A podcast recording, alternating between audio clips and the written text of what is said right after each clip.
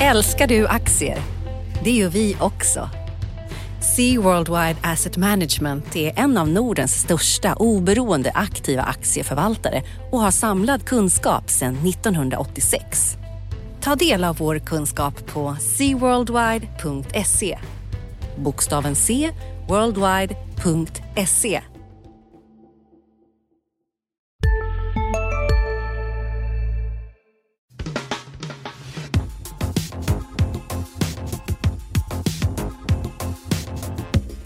Analyspodden från Dagens Industri.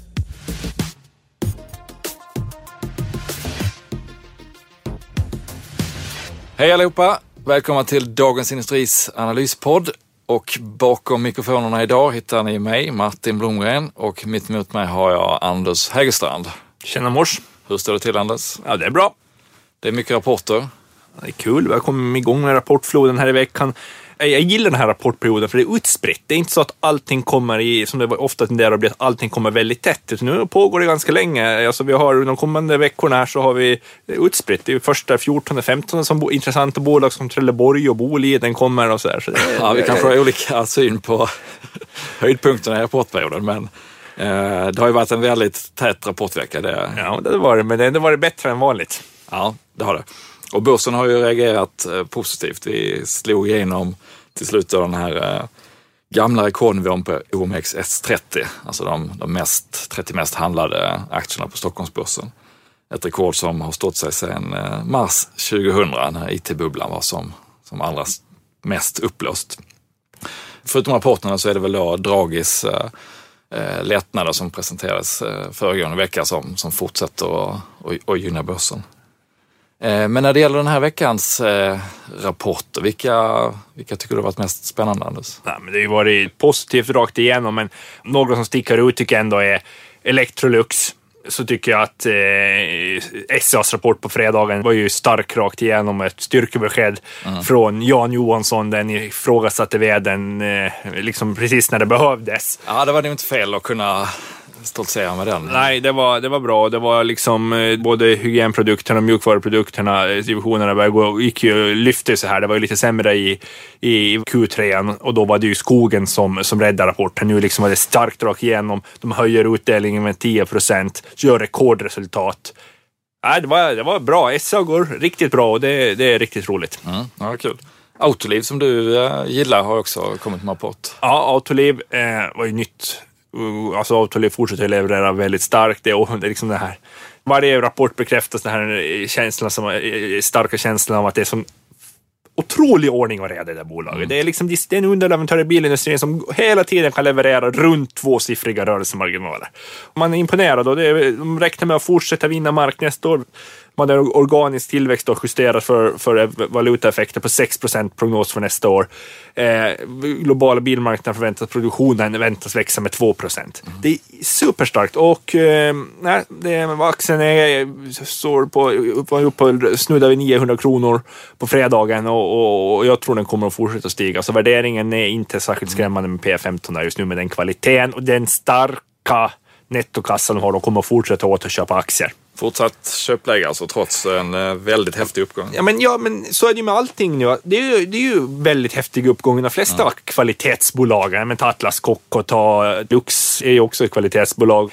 Men vadå, det kommer ju att komma rekyl. Precis som det gjorde mm. oktober och precis som det var lite darrigt här tidigare i början på året. Det kommer ju att komma svängningar ner.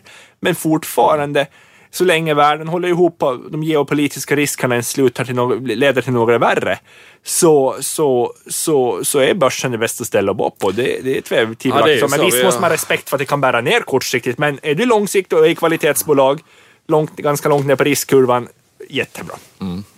Samtidigt då, som, som vi var inne på, gamla kursrekordet var 15 år sedan. Så att man måste ju ha respekt för att eh, om, om, om världen förändras, nu är vi inte på de värderingsnivåerna som vi var då, men, men ändå, är man, prickar man toppen så, eh, så är det en lång, lång vandring tillbaka. Men i, i Autolivs fall där så är det också intressant att, eh, att de tar, eh, de tar rejält med marknadsandelar. Delvis tack vare att eh, Takata är det väl då som har gjort bort sig med sina krockkuddar. Men jag, vet det, det tycker, jag tycker personligen, eh, jag kan ha fel där, men jag tycker personligen att det är inte en stor, det är jätteintressant. Det visar också att de är kvalitets och den trovärdiga aktören i, ma- i, i branschen. Det kommer långsiktigt, långsiktigt att gynna dem. Men det är ändå den här historiken och hela tiden mala på och det här track recordet liksom de har. Och det tillsammans med att de har den här globala närvaron. De är överallt. De är stora i alla till. Liksom, folk blir rikare i, i utvecklingsländer. Folk vill börja köra bil. De måste ha säkerhetsbälten. De måste ha krockkuddar. Då, eh, liksom, det är stabilt. Det är liksom inte någon IT-bubbla som var 2000 som byggde på, på en massa förväntningar. Det här är faktum alltså. Ja, nej, det är ju som sagt, värderingen är inte alls på den, eh, på den magnituden. Det är väl eh, P60 ungefär på Stockholmsbörsen och även om det är lite högt, speciellt om man kanske räknar bort bankerna då som har låga P-tal. Så som sagt, jämfört med räntorna så, så är det ju bästa stället att vara på. Men eh, jag, jag, jag tror liksom vi tidigare har eh, sagt också att det stora testet kanske kommer i samband med att utdelningarna går i mars-april. För då, då kommer det här direktavkastningsargumentet att bli lite tunnare när, när man ska vänta ett år till. Men det är fortfarande, var ska det stå pengarna om inte in, in tillbaka på börsen? Jo, men det är ju så när alla, när alla anammar det tankesättet helt och hållet, då, då, är den sista, ja, men, ja, mm. då är den sista inne på börsen. ja, då, det kan hända. då har jag dem hellre i madrassen. Hörde, eh, jag måste fråga så här. I december så gjorde jag en rejäl genomgång av, av Sandviks historik jämfört med Atlas Copco och, och föreslog att Anders Nyrén, han måste lämna skutan som ordförande. Jag träffade Anders Nyrén några gånger efter det och han var väl inte helt nöjd med vad jag skrev kanske. Men, någon, ja. eh, vad är rapportvecka här då, både från Sandvik och Atlas Copco? Eh, hur gick det? Vem vann? Olof Alexander eller Ronny Leten? Ja, Alltså på den dagens börsmatch så var det ju eh, Faxander som vann. Men eh, tittar man tillbaka så är det ju eh, ett jättestort gap i hur de här aktierna har gått. Atlas Copco är på, eh, på all time high. Medan Sandvik har en eh, 70-75 procent upp till sitt kursrekord som det var sommaren 2007. Eh, och det är ju en stor lönsamhetsskillnad. Eh, Sandvik har rörelsemarginal kring 11 procent, Atlas ligger på 19 och det blir en liten besvikelse då. Det säger ju lite grann om, eh, om eh, vilken elitnivå de, de är uppe på. Eh, men börsen fungerar ju inte riktigt så att, eh, att man alltid ska satsa på den som har mest kvalitet i, i det korta perspektivet. Så att, eh, när, när Sandvik då kunde visa att eh, det här oljeberoendet kanske inte är fullt så illa som, som många tror. De eh, hade tagit fram då siffror på att 8 procent är direkt exponerat av omsättningen mot eh, olja och gas. Och det är inte så blodigt om, eh, om oljepriset kanske planar ut nu som det har gjort. Är din sista och slutligen gruvdivisionen Sandvik måste, marknaden måste få förtroende för Sandviks gruvdivision. Är det inte det som är den stora nyckeln ändå för, för att en riktig omvärdering av Sandvik ska kunna ske? Ja, men Fredrik Lundberg sa ju tydligt i en intervju, Fredrik Lundberg som är egentligen den största privata ägaren i Sandvik sa i en intervju ja, att, att Sandvik är sämre skött, och du syftar ju på gruvdivisionen, än vad Atlas Copco är. Ja, de det fanns några tecken där. Ja, det- tecknet är ju att eh, utrustning, alltså nya maskiner, de så här stora borriggarna och sådär, att eh, efterfrågan på det är ju, är ju dålig men den blir inte sämre utan det har egentligen hackat på en eh, tre, fyra kvartal nu och det är samma bild från Atlas. Eh, så att medan den tuffar på sidledes och de ökar serviceandelen så, så planar det liksom ut i, på gruvsidan. Då blir det lite lättare att fylla fabrikerna så att man inte får samma negativa effekt på marginalen av den här underabsorptionen av kostnader. Men vad krävs för att, att Sandvik ska bli, den underliggande verksamheten ska börja närma sig, alltså oberoende marknadsläge ska närma sig samma klass som Atlas? Liksom, vad, hur lång resa har vi dit? Ja, men det är en ganska lång resa. De har ett stort program där de ska dra ner antal fabriker i hela koncernen, inte bara inom mining då, med 25 fabriker som pågår. Så det är en del i det. En annan del är ju att, och och det baseras ju då på att, att Sandvik, till skillnad mot Atlas, har byggt upp sin gruvdel mycket mer genom stora förvärv.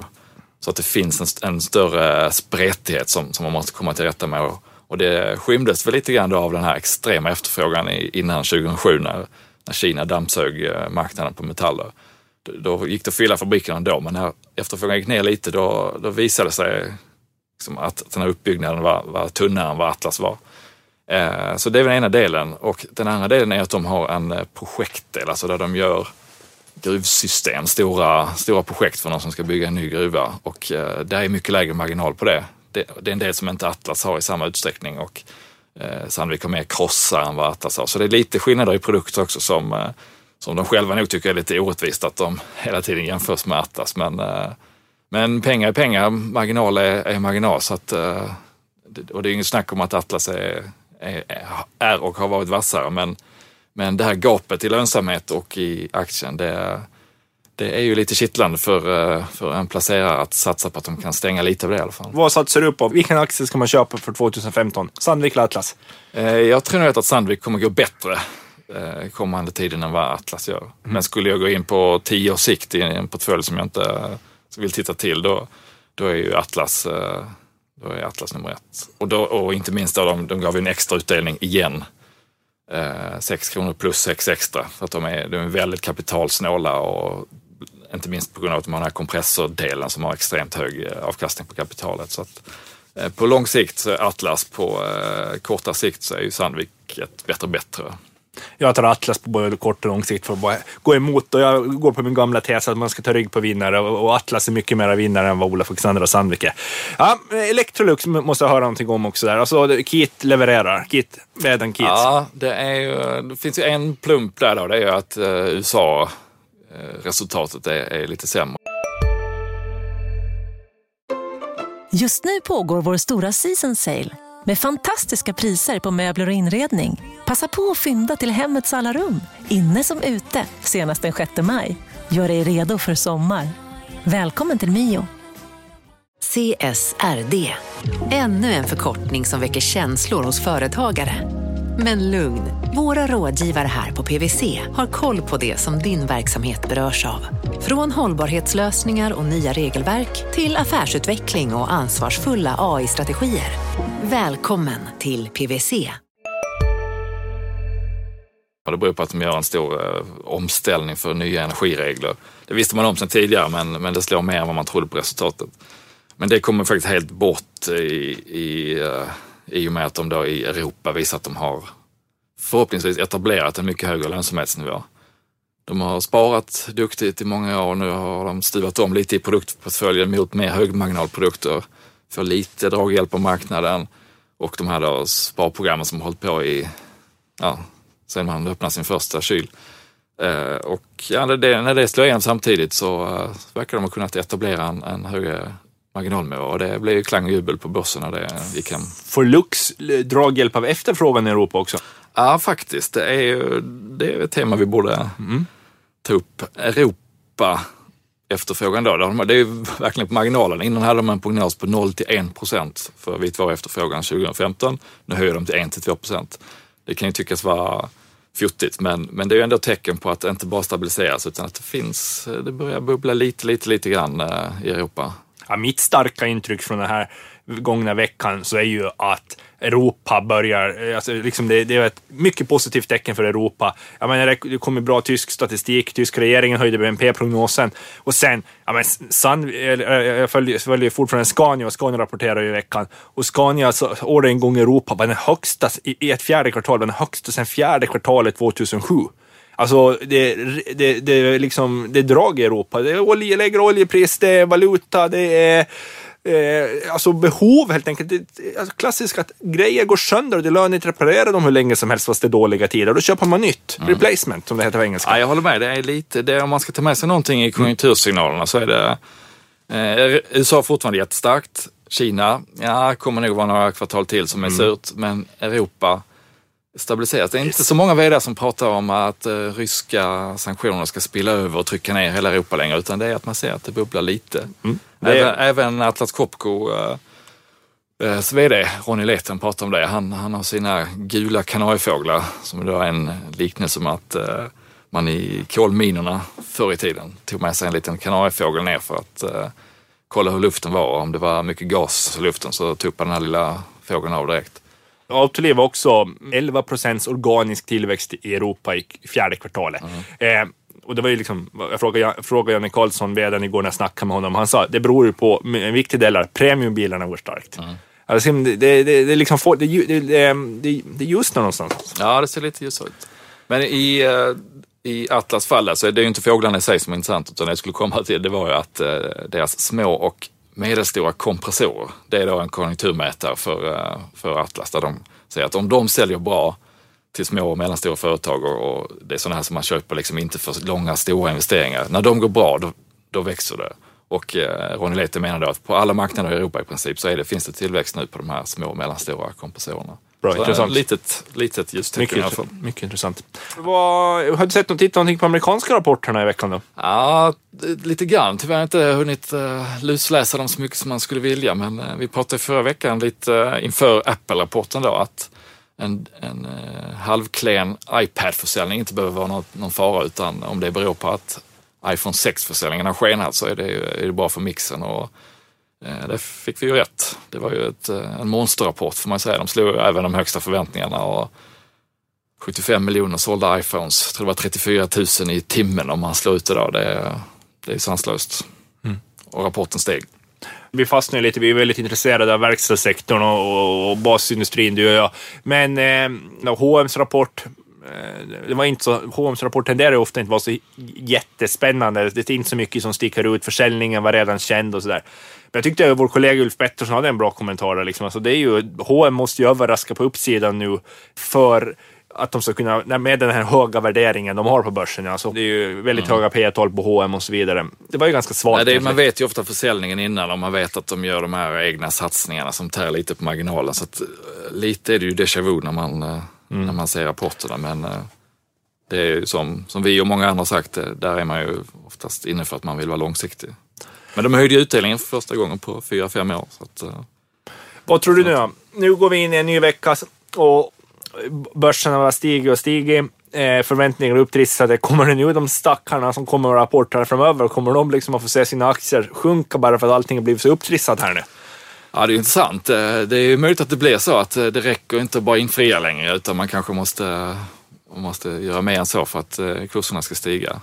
Det är till exempel Volvo på torsdag de har ju gått superbra. Dels på grund av Scania och sen för att hela börsen har lyft och närmar sig 100 kronors strecket. Exakt, det har gått jättestarkt. Det är en av de aktier som har gått allra bäst bland storbolagen på Stockholmsbörsen, kanske till och med allra bäst. Mm. Eh, det är ju lite det... Sandvik-caset där också, att det finns stora, stora strukturprogram och faller de ut så, så ser aktien billig ut och plötsligt tittar alla på det och tror att det kommer falla ut och sen blir man orolig att det inte händer så, så åker kursen ner igen. Så att, uh, men när, om, det, om och när det smäller till så, så finns det ju mer i den aktien också tror jag. Mm. Ja, det blir väldigt spännande att se hur de har fått ut de här programmen nu här. Och, men sen är det ju så, det är ju ett, det är en svår mix-situation för Volvo också. Du har starkt Nordamerika, men där är det lägre rörelsemarginaler eh, historiskt. Sydamerika har högst marginaler, den marknaden är helt nerkörd. Sen har du Europa, hur går det egentligen i Europa? Liksom? De har ju mycket Frankrike-exponering i Europa också via Renault Volvo. Och sen har du Kina på anläggningsmaskiner som är väldigt svagt känns det ja. som. Ja, det blir väldigt spännande att se vad Olof Persson lyckas, ja. lyckas ta fram här. Alltså. Ja, de, de var ju också en av bolagen som fick en smäll när Caterpillar eh, kom med rätt så dystra prognoser i, tidigare i veckan. Men det ligger väl i korten ändå, eller är jag fel där? Alltså, borde det att Kina går dåligt? Ja. Nej, man tycker det ligger i korten, men eh, och det, är svårt också att tolka den här Caterpillar-rapporten eftersom de är amerikanska och har valutamotvind. Dels då de rena omräkningseffekterna och dels så vet man inte om, om deras prissättning jämfört med konkurrenterna, har, om det har hänt någonting där. Är man Europabaserad så kan man ju eh, ge lite rabatter och ändå behålla marginalerna när, när valutan har rört på sig.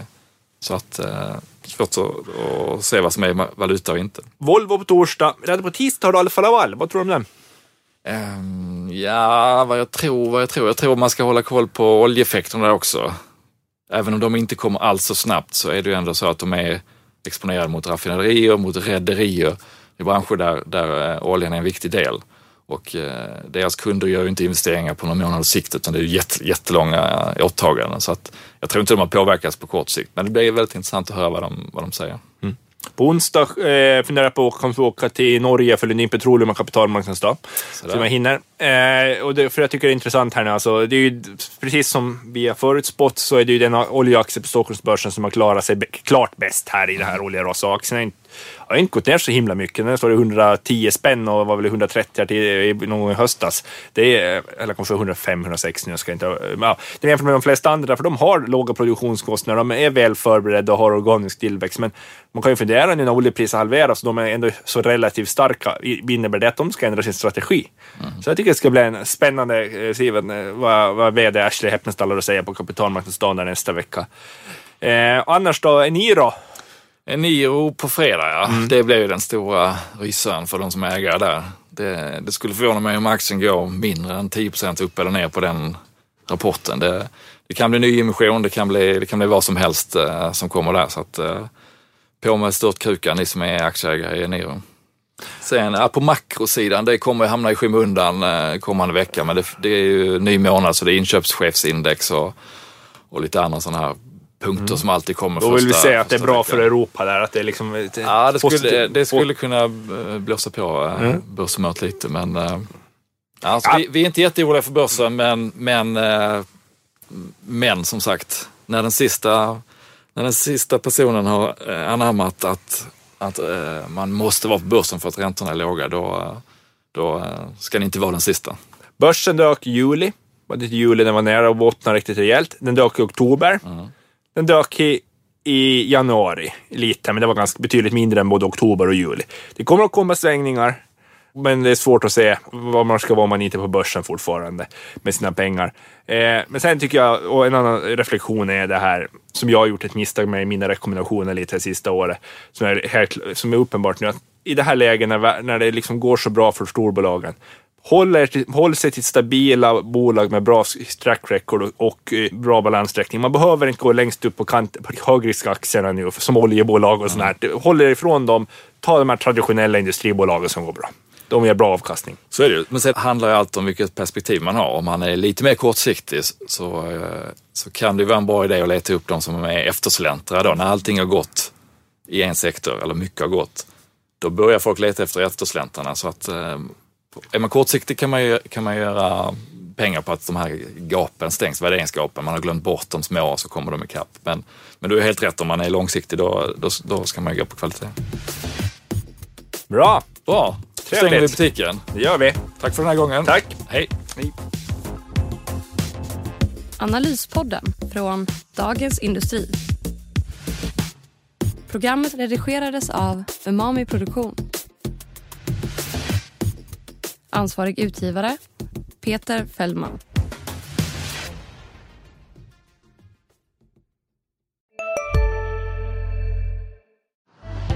Älskar du aktier? Det gör vi också. Sea Worldwide Asset Management är en av Nordens största oberoende aktiva aktieförvaltare och har samlad kunskap sedan 1986. Ta del av vår kunskap på seaworldwide.se. Bokstaven C, worldwide.se